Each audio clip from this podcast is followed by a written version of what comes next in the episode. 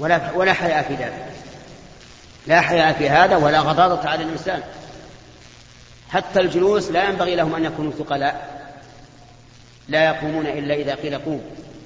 ينبغي للإنسان أن يخفف الجلوس عند الناس ما استطاع.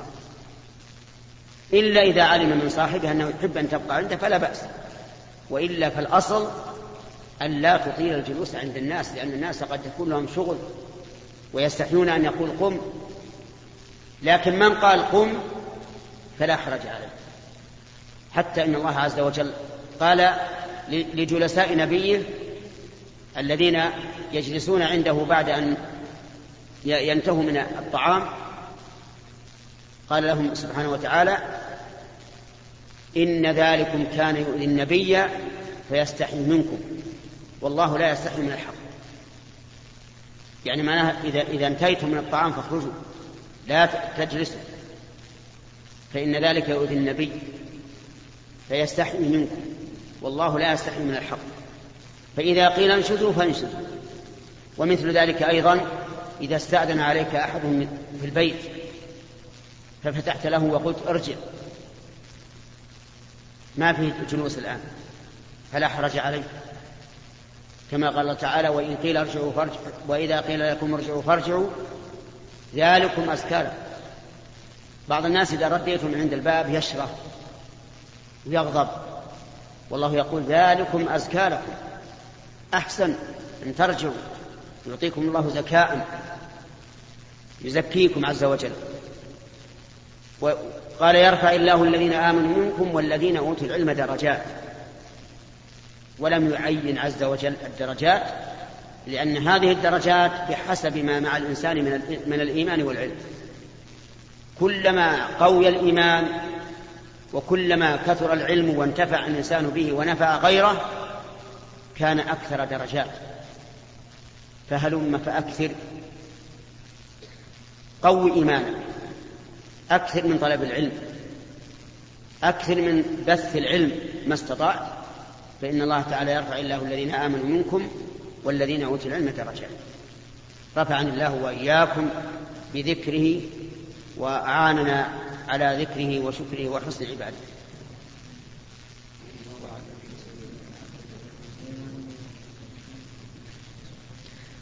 بسم الله الرحمن الرحيم. الحمد لله رب العالمين والصلاة والسلام على نبينا محمد وعلى آله وصحبه أجمعين. قال رحمه الله تعالى باب فضل العلم تعلما وتعليما لله. قال الله تعالى إنما يخشى الله من عباده العلماء. عن معاوية رضي الله عنه قال قال رسول الله صلى الله عليه وسلم من يرد الله به خيرا يفقهه في الدين. متفق عليه. بسم الله الرحمن الرحيم. ساق المؤلف النووي رحمه الله في كتاب رياض الصالحين ما يتعلق أو بعض ما يتعلق من كتاب الله عز وجل في فضل العلم وسبق الكلام على آيات ثلاث مما ذكره في باب فضل العلم تعلما وتعليما لله. أما الآية الرابعة فهي قوله تعالى إنما يخشى الله من عباده العلماء.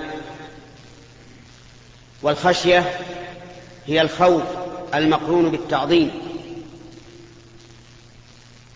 فهي أخص من الخوف فكل خشية خوف وليس كل خوف خشية ولهذا يخاف الإنسان من الأسد ولكنه لا يخشاه أما الله عز وجل فإن الإنسان يخاف منه ويخشاه قال الله تعالى فلا تخشوا الناس واخشون ولكن من هم أهل الخشية حقا؟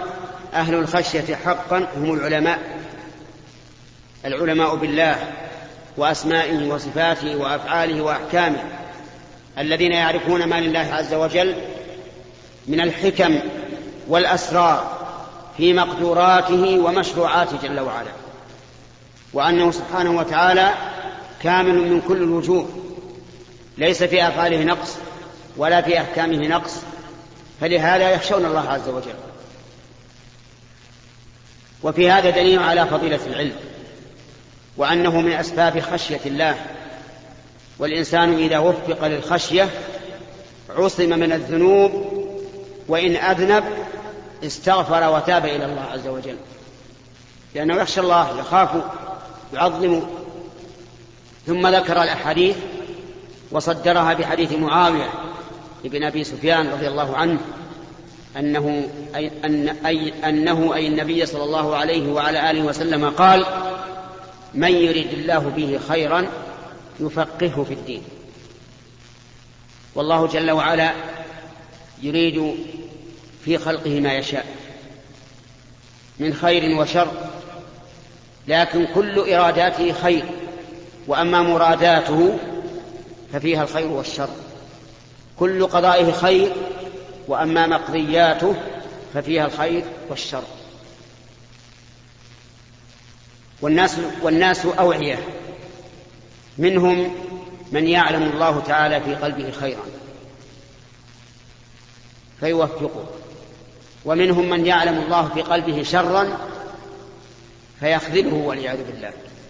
قال الله تبارك وتعالى فلما زاغوا أزاغ الله قلوبهم.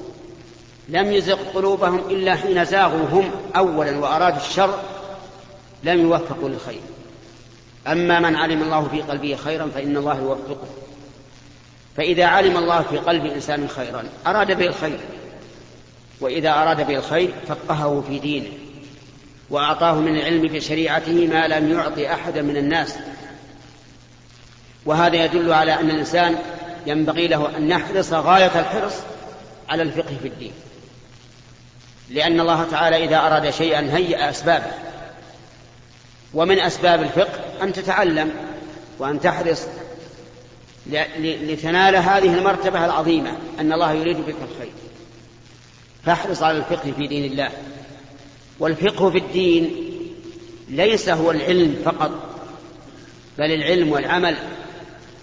ولهذا حذر السلف من كثرة القراء وقلة الفقهاء.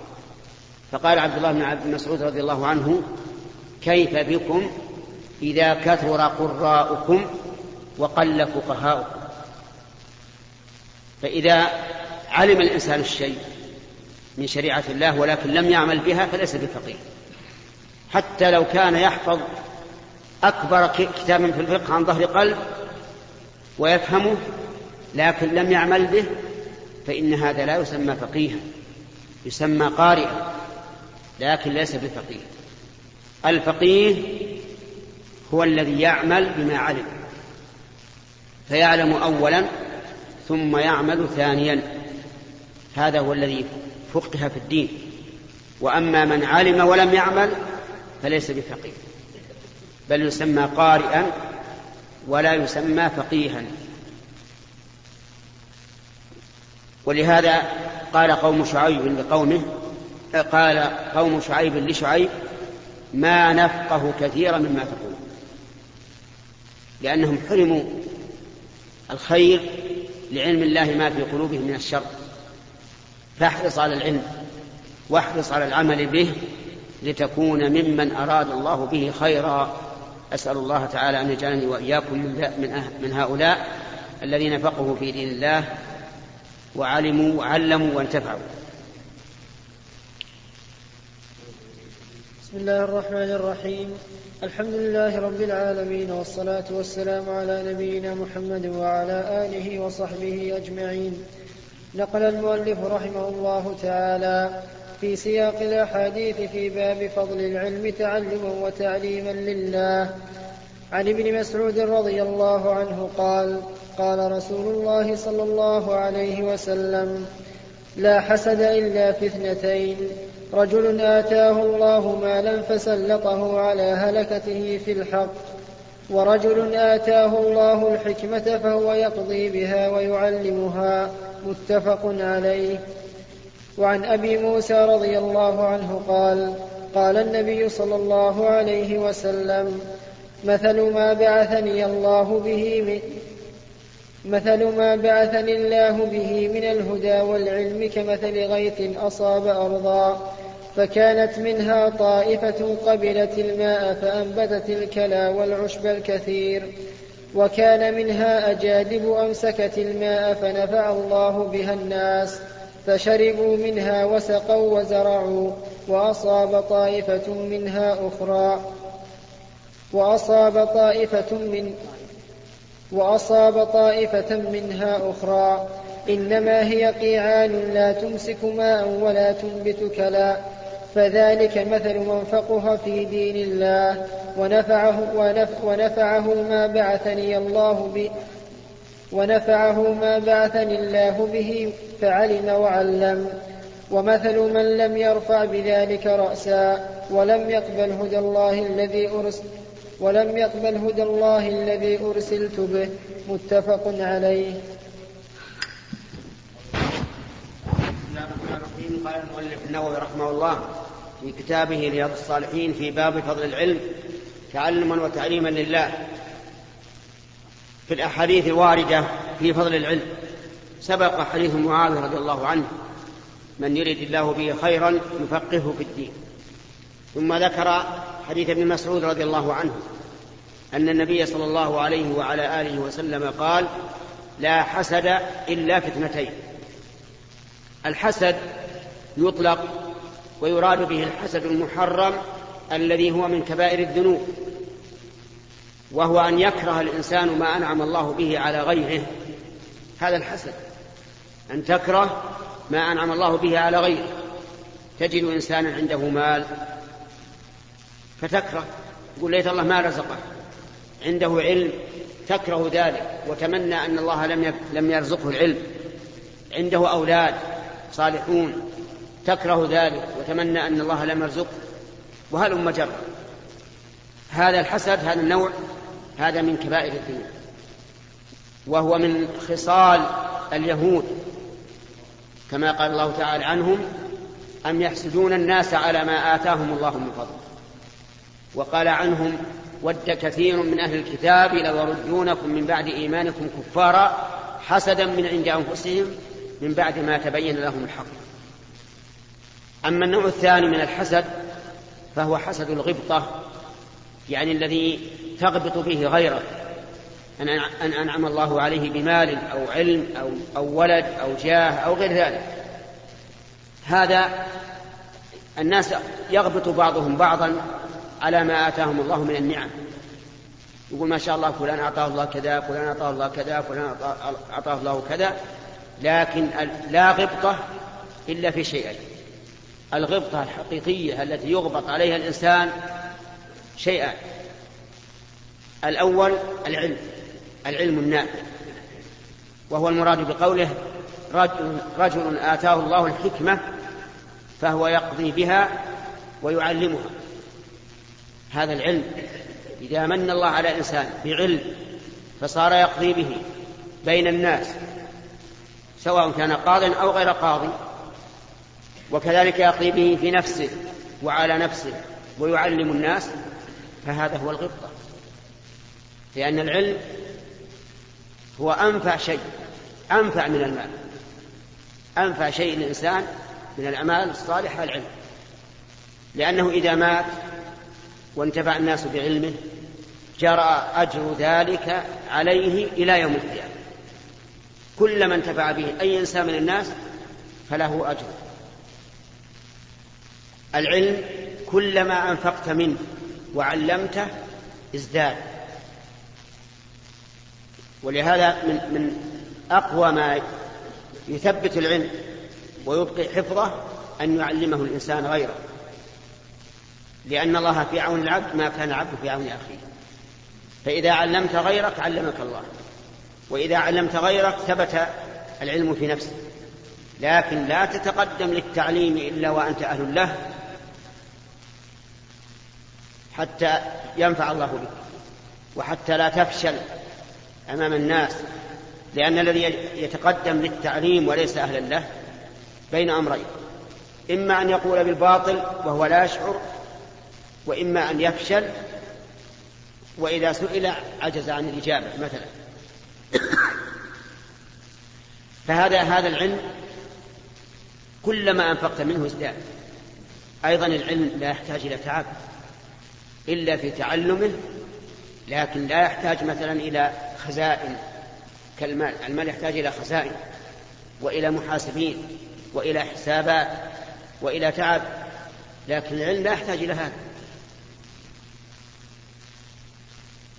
خزينته قلبك هذا هذه هذه الخزينة وهي معك أينما كنت فلا تخشى عليه. لا تخشى أن يسرق ولا أن أن يحرق لأنه في قلب. فالمهم أن العلم هو أفضل نعمة أنعم الله بها على الإنسان بعد الإسلام والإيمان. ولهذا قال رجل آتاه الله الحكمة فهو يقضي بها ويعلمها. أما الثاني فهو رجل آتاه الله مالا. شوف الآن العلم والمال. فسلطه على هلكته في الحق. يعني صار يبذل ماله فيما يرضي الله عز وجل لا يبذله في حرام ولا يبذله في لغو وإنما يبذله فيما يرضي الله.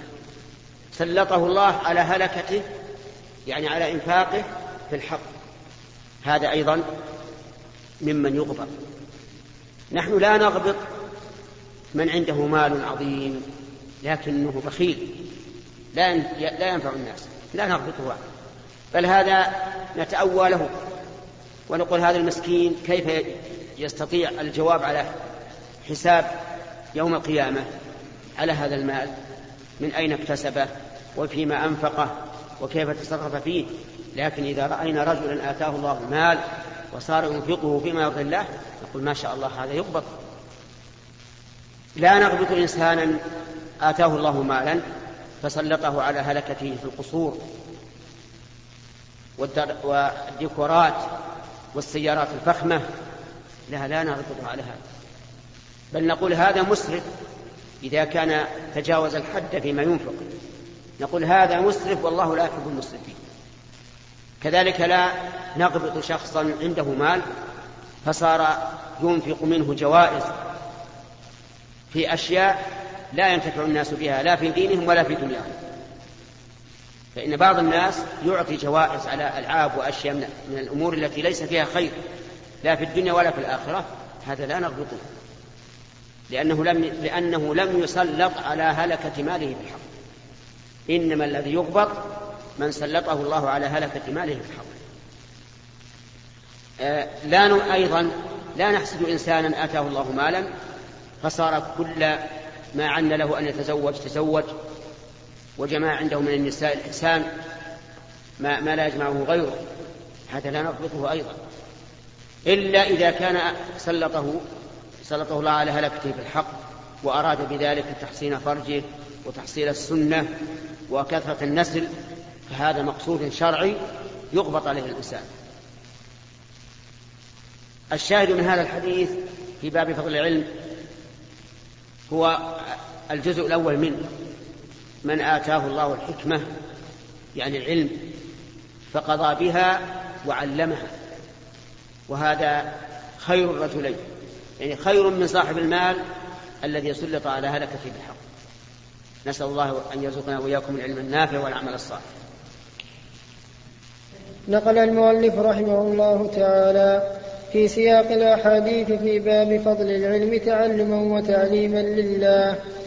عن أبي موسى رضي الله عنه قال قال النبي صلى الله عليه وسلم مثل ما بعثني الله به من الهدى والعلم كمثل غيث أصاب أرضا فكانت منها طائفة قبلت الماء فأنبتت الكلا والعشب الكثير وكان منها أجادب أمسكت الماء فنفع الله بها الناس فشربوا منها وسقوا وزرعوا وأصاب طائفة منها أخرى.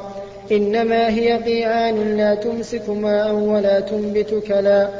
فذلك مثل من فقه في دين الله ونفعه ما بعثني الله به فعلم وعلم. ومثل من لم يرفع بذلك رأسا ولم يقبل هدى الله الذي أرسلت به متفق عليه.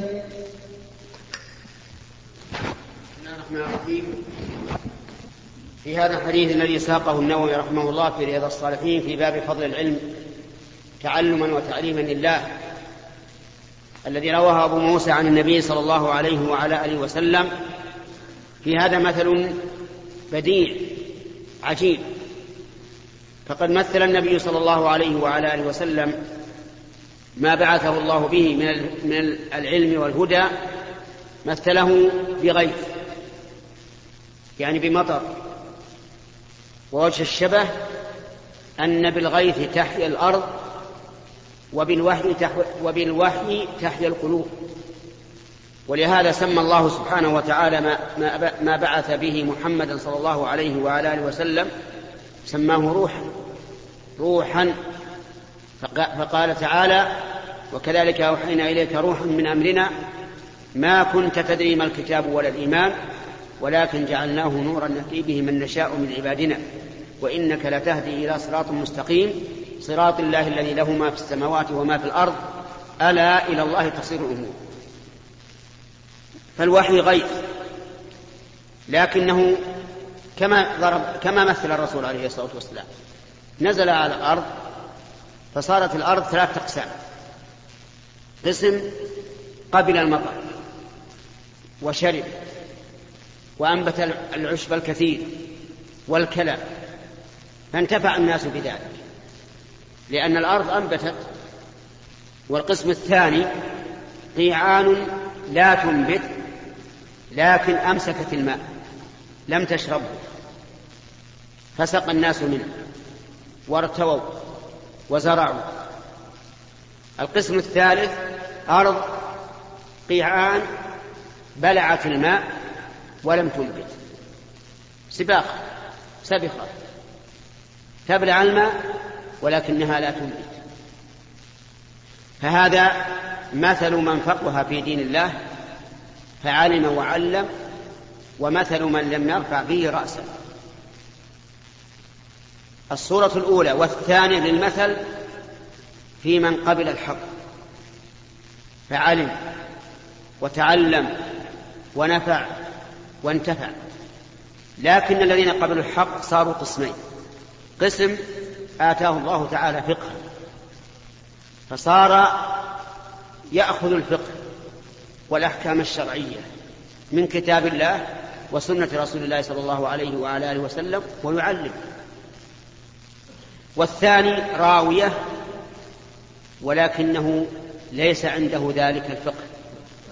يعني يحمل الحديث يرويه يحفظه ولكنه ليس عنده فقه وهذا كثير أيضا. ما أكثر رجال الحديث الذين رووا الحديث لكن ليس عندهم فقه ما هم إلا أوعية يأخذ الناس منهم ولكن الذي يوزع من هذا الماء وينفع الناس به هم الفقهاء.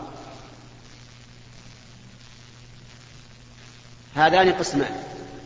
قسم حفظ الشريعة ووعاها وفهمها وعلمها واستنبط منها الأحكام الكثيرة هؤلاء مثل الأرض التي قبلت الماء وأنبتت العشب الكلى والعشب الكثير. قسم آخر نقل بس ينقلون ينقلون الأحاديث لكن لا يفقهونها كثيرا. هؤلاء كالأرض التي أمسكت الماء فانتفع الناس به وارتووا منه لأن الناس يأخذون من هؤلاء رواة الحديث ثم يستنبطون منه الأحكام وينفعون الناس بها. القسم الثالث أرض لم تنتفع بالغيث قيعان. لا تمسك الماء ولا تنبت الكلام. هؤلاء ما فيهم خير. لم ينتفعوا بوحي الله ولم يرفعوا به رأسا والعياذ بالله. يكذبون بالخبر ويستكبرون عن الأمر. فهؤلاء هم شر الأقسام. نسأل الله العافية. فأنت انظر في نفسك. من أي الأراضين الثلاث أنت؟ هل أنت من الأرض التي قبلت الماء وأنبتت العشب والكلأ أو من الأرض الثانية أو من الأرض الثالثة والعياذ بالله؟ وفي هذا الحديث حسن تعليم الرسول عليه الصلاة والسلام حيث يضرب الأمثال للمعاني المعقولة بأشياء محسوسة لأن إدراك المحسوس أقرب من إدراك المعقول. وما أكثر الأمثال في القرآن. مثل الذين ينفقون أموالهم في سبيل الله كمثل حبة أنبتت سبع سنابل في كل سنبلة مئة حبة والله يضاعف لمن يشاء. هذا مثل. لو جاء الكلام هكذا من أنفق في سبيل الله حبة فله سبعمائة حبة. لم يرسخ في الذهن كرسوخ المثل. لأن المثل اللي يستحضره الإنسان دائما. قال الله تعالى وتلك الأمثال نضربها للناس وما يعقلها إلا العالمون. فضرب الأمثال تقريب للعلم وترسيخ له وإعانة على الفهم. لهذا ينبغي لك إذا حدثت عاميا ولم يفهم أن تضرب له المثل. اضرب له المثل بشيء يعرفه ويعقله حتى يعرف المعاني المعقولة من بواسطة الأشياء المحسوسة. والله موفق.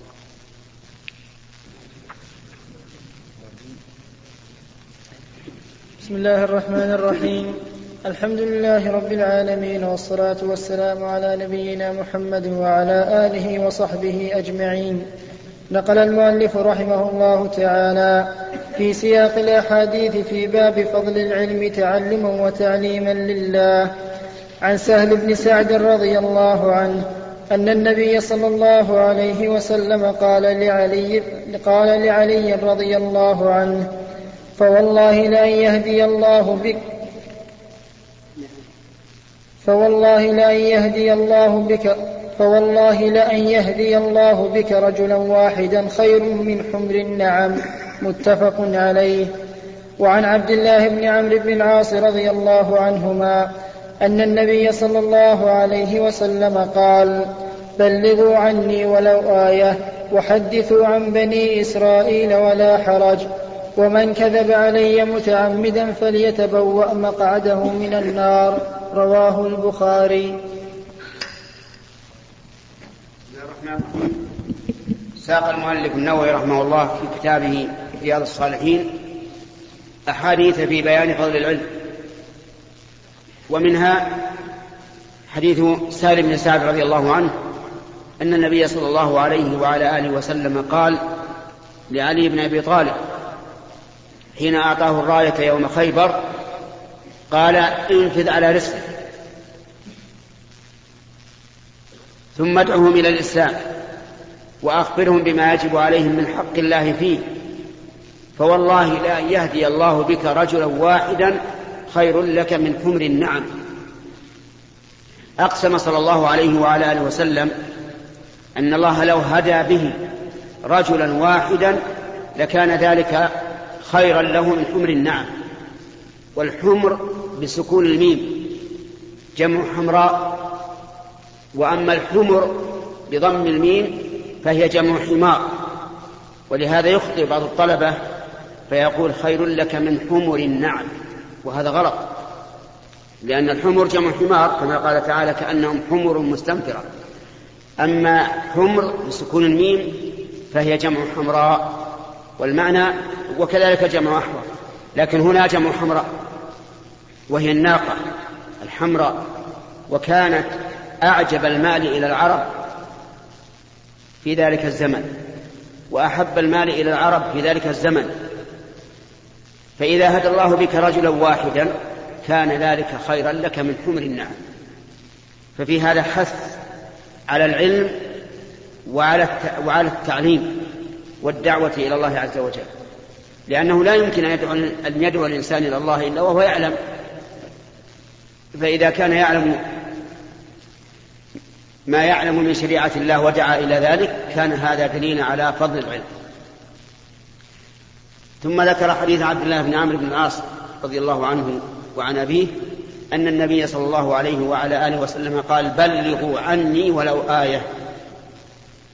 بلغوا عني يعني أخبر بلغوا الناس بما أقول وبما أفعل وبجميع سنة عليه الصلاة والسلام. بلغوا عني ولو آية من كتاب الله ولو هنا للتقليد يعني لا يقول الإنسان أنا لا أبلغ إلا إذا كنت عالما كبيرا. لا يبلغ الإنسان ولو آية. بشرط أن يكون قد علمها وأنها من كلام الرسول صلى الله عليه وعلى آله وسلم ولهذا قال في آخر الحديث ومن كذب علي متعمدا فليتبوأ مقعده من النار. من كذب على الرسول متعمدا يعلم أنه كاذب فليتبوأ مقعده من النار. هنا اللام للأمر لكن المراد بالأمر هنا الخبر يعني فقد تبوأ مقعده من النار والعياذ بالله. أي فقد استحق أن يكون من ساكن من ساكن النار.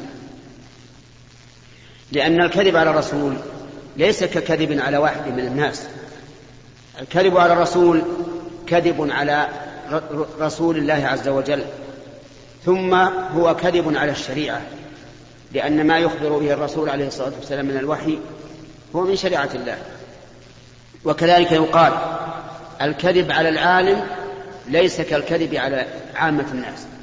يعني مثل تقول قال فلان كذا وكذا إن قال هذا قال هذا حلال هذا حرام هذا واجب هذا سنة وأنت تكذب هذا أيضا أشد من الكذب على عامة الناس. لأن العلماء ورثة الأنبياء يبلغون شريعة الله إرثا لرسول الله صلى الله عليه وعلى آله وسلم. فإذا كذبت عليه قلت قال العالم الفلاني كذا وكذا وأنت تكذب فهذا إثمه عظيم نسأل الله العافية. بعض الناس والعياذ بالله إذا اشتهى شيئا يكف الناس عنه قال قال العالم الفلاني هذا حرام وهو يكذب لكن يعرف أن الناس إذا نسب العلم إلى فلان قبلوه فيكذب. أو يقول قال فلان هذا واجب وهو كاذب. هذا أشد من الكذب على عامة الناس. فالحاصل أن من كذب على الرسول عليه الصلاة والسلام متعمدا فليتبوأ مقعده من النار. ومن نقل عنه حديثا كذبا يعلم أنه كذب فهو أحد الكاذبين. يعني فليتبوأ مقعده من النار. وما أكثر ما ينشر من النشرات التي فيها الترغيب أو الترهيب وهي مكذوبة على الرسول عليه الصلاة والسلام. لكن بعض المجتهدين الجهال ينشرون هذه النشرات ويوزعونها بكمية كبيرة يقولون نعظ الناس بهذا. كيف تعظهم بشيء كذب؟ ولهذا يجب الحذر من هذه المنشورات التي تنشر بالمساجد أو تعلق على الأبواب أبواب المساجد أو غير ذلك يجب الحذر منها. ربما يكون فيها أشياء مكتوبة فيكون الذي ينشرها قد تبوأ مقعده من النار إذا علم أنها كذب. وقال في حديث عبد الله بن عمر حدثوا عن بني إسرائيل ولا حرج. بنو إسرائيل اليهود والنصارى. إذا قالوا قولا فحدث عنه ولا حرج عليك بشرط أن لا تعلم أنه مخالف للشريعة لأن بني إسرائيل أيضا عندهم كذب يحرفون الكلمة عن مواضع ويكذبون. فإذا أخبروك بخبر فلا بأس أن تحدث به بشرط أن لا يكون مخالفا لما جاء في شريعة الرسول عليه الصلاة والسلام. فإن كان مخالفا له فإنه لا يجوز أن يحدث به. إلا إذا حدث به يبين أنه باطل فلا حرج. والله أعلم. سبحان الله سبحان الله سبحان الله. بسم الله الرحمن الرحيم. الحمد لله رب العالمين والصلاة والسلام على نبينا محمد وعلى آله وصحبه أجمعين. نقل المؤلف رحمه الله تعالى في سياق الأحاديث في باب فضل العلم تعلما وتعليما لله. عن أبي هريرة رضي الله عنه أن رسول الله صلى الله عليه وسلم قال ومن سلك طريقا يلتمس فيه علما سهل الله له طريقا إلى الجنة. رواه مسلم. وعنه رضي الله عنه أن رسول الله صلى الله عليه وسلم قال من دعا إلى هدى كان له من الأجر مثل أجور من تبعه. لا ينقص ذلك من أجورهم شيئا. رواه مسلم. وعنه رضي الله عنه قال قال رسول الله صلى الله عليه وسلم إذا مات ابن آدم انقطع إذا مات ابن آدم انقطع عمله إلا من ثلاث صدقة جارية أو علم ينتفع به. أو ولد صالح يدعو له رواه مسلم. بسم الله الرحمن الرحيم. هذه الأحاديث الثلاثة في بيان فضل العلم وآثاره الحميدة. عن أبي هريرة رضي الله عنه أن النبي صلى الله عليه وعلى آله وسلم قال ومن سلك طريقا يلتمس فيه علما سهل الله له به طريقا إلى الجنة.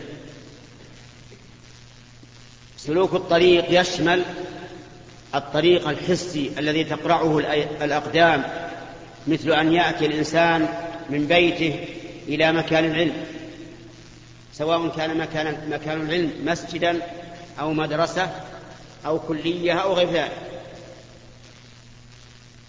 ومن ذلك أيضا الرحلة في طلب العلم أن يرتحل الإنسان من بلده إلى بلد آخر يلتمس العلم. فهذا سلك طريقا يلتمس فيه علما. وقد رحل جابر بن عبد الله الأنصاري صاحب رسول الله صلى الله عليه وعلى آله وسلم في حديث واحد مسيرة شهر كان. على الرواحل على الإبل. سار من بلد إلى بلد مسيرة شهر. من أجل حديث واحد رواه عبد الله بن أنيس عن النبي صلى الله عليه وعلى آله وسلم. أما الثاني فهو الطريق المعنوي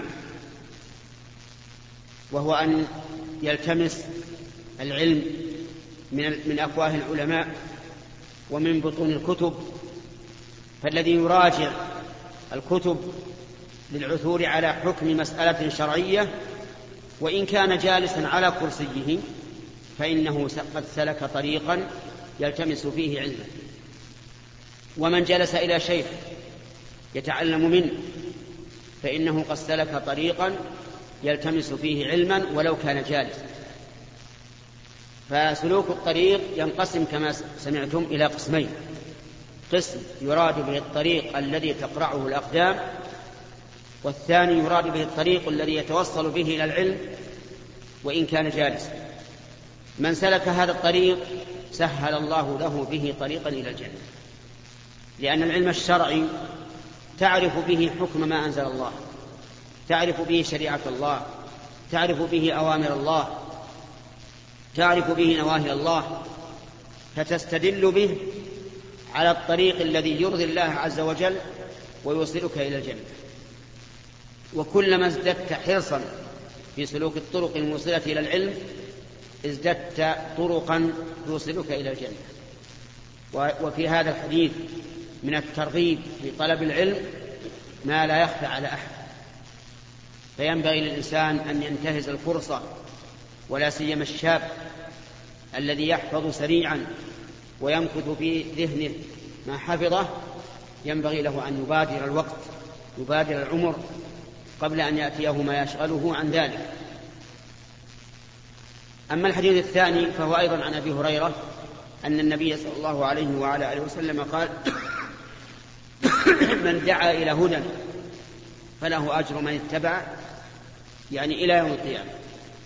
من دعا إلى هدى يعني علم الناس فإن الداعي إلى الهدى هو الذي يعلم الناس ويبين لهم الحق ويرشدهم إليه فهذا له مثل أجر من فعله. مثلا دللت إنسانا على أنه ينبغي أن يوتر يجعل آخر صلاته في الليل وترا كما أمر النبي صلى الله عليه وسلم قال اجعلوا آخر صلاتكم بالليل وترا وحثثت على الوتر ورغبت فيه فأوتر أحد من الناس بناء على كلامك وعلى توجيهك فلك مثل أجره لك مثل أجره علم بذلك آخر منك أو من الذي علمته أنت فلك مثل أجره وإن تسلسلوا إلى يوم القيامة.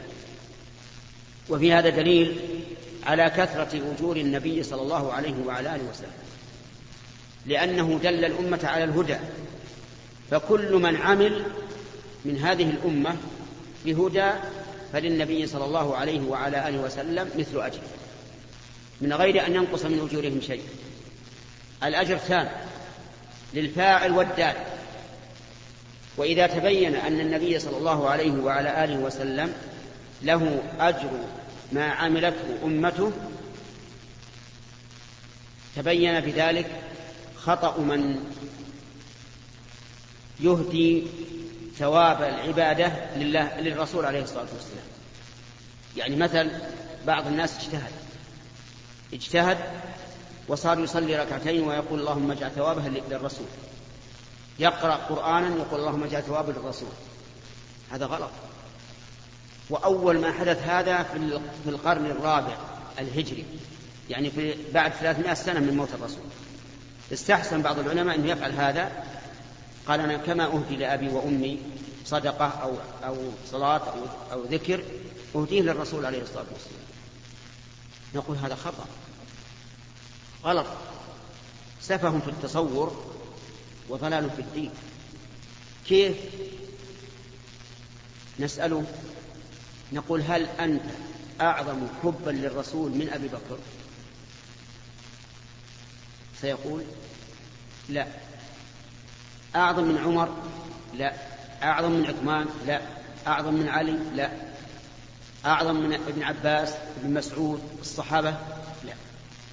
هل أحد منهم أهدى للرسول عليه الصلاة والسلام عملا صالحا؟ أبدا. وكذلك التابعون والأئمة الإمام أحمد بن حنبل الشافعي مالك أبو حنيفة ما فعلوا هذا.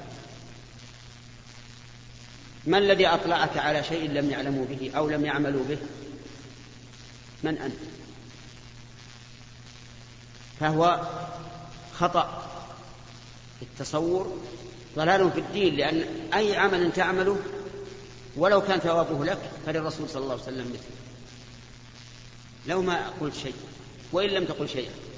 أي عمل لو صلي ركعتين أجره لك وللرسول مثله من غير أن ينقص من أجرك شيئا. إذا ما الفائدة؟ لا يعني إهداءك القرب للرسول إلا أنك حرمت نفسك من الأجر فقط. والرسول عليه الصلاة والسلام له مثل أجرك سواء أهديت له أم لم تهد. لأنه يقول عليه الصلاة والسلام من دعا إلى هدى فله أجر من, من اتبعه ولا لا ينقص ذلك من أجورهم شيئا. فلا حاجة. إذا نأخذ من هذا الحديث فضيلة العلم لأن العلم به الدلالة على الهدى والحث على التقوى. فالعلم أفضل بكثير من من المال. حتى لو تصدق الإنسان بأموال عظيمة طائلة فالعلم ونشر العلم أفضل. وأضرب لكم مثلا الآن. في عهد أبي هريرة خلفاء خلفاء ملوك ملكوا الدنيا. وفي عهد الإمام أحمد أغنياء ملكوا أموالا عظيمة وتصدقوا وأوقفوا.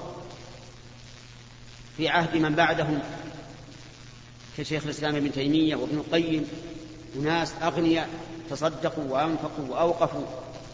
أين ذهب أين ذهب ما أنفقوه؟ أين ذهب ما وقفوه راح. لا يوجد له أثر. لكن أحاديث أبي هريرة تتلى في كل وقت ليلا ونهارا ويأتيه أجرها. الأئمة أيضا علمهم وفقههم منشور بين الأمة يأتيهم أجر. وهكذا شيخ الإسلام ابن تيمية وابن القيم وغيرهم من العلماء. ماتوا لكن ذكرهم حي باق. يعلمون الناس وهم في قبور. ينالهم الأجر وهم في قبور. وهذا يدل على أن العلم أفضل بكثير من المال وأنفع للإنسان. وسيأتي إن شاء الله تعالى في حديث أبي هريرة الثالث الذي ذكره المؤلف إذا مات ابن آدم انقطع عمله إلا من ثلاث صدقة جارية أو علم ينتفع به أو ولد صالح يدعو يأتي إن شاء الله كلام عليه لئلا يقول عليكم المقام والله موفق. إن شاء الله. أيها الإخوة في ختام هذه المادة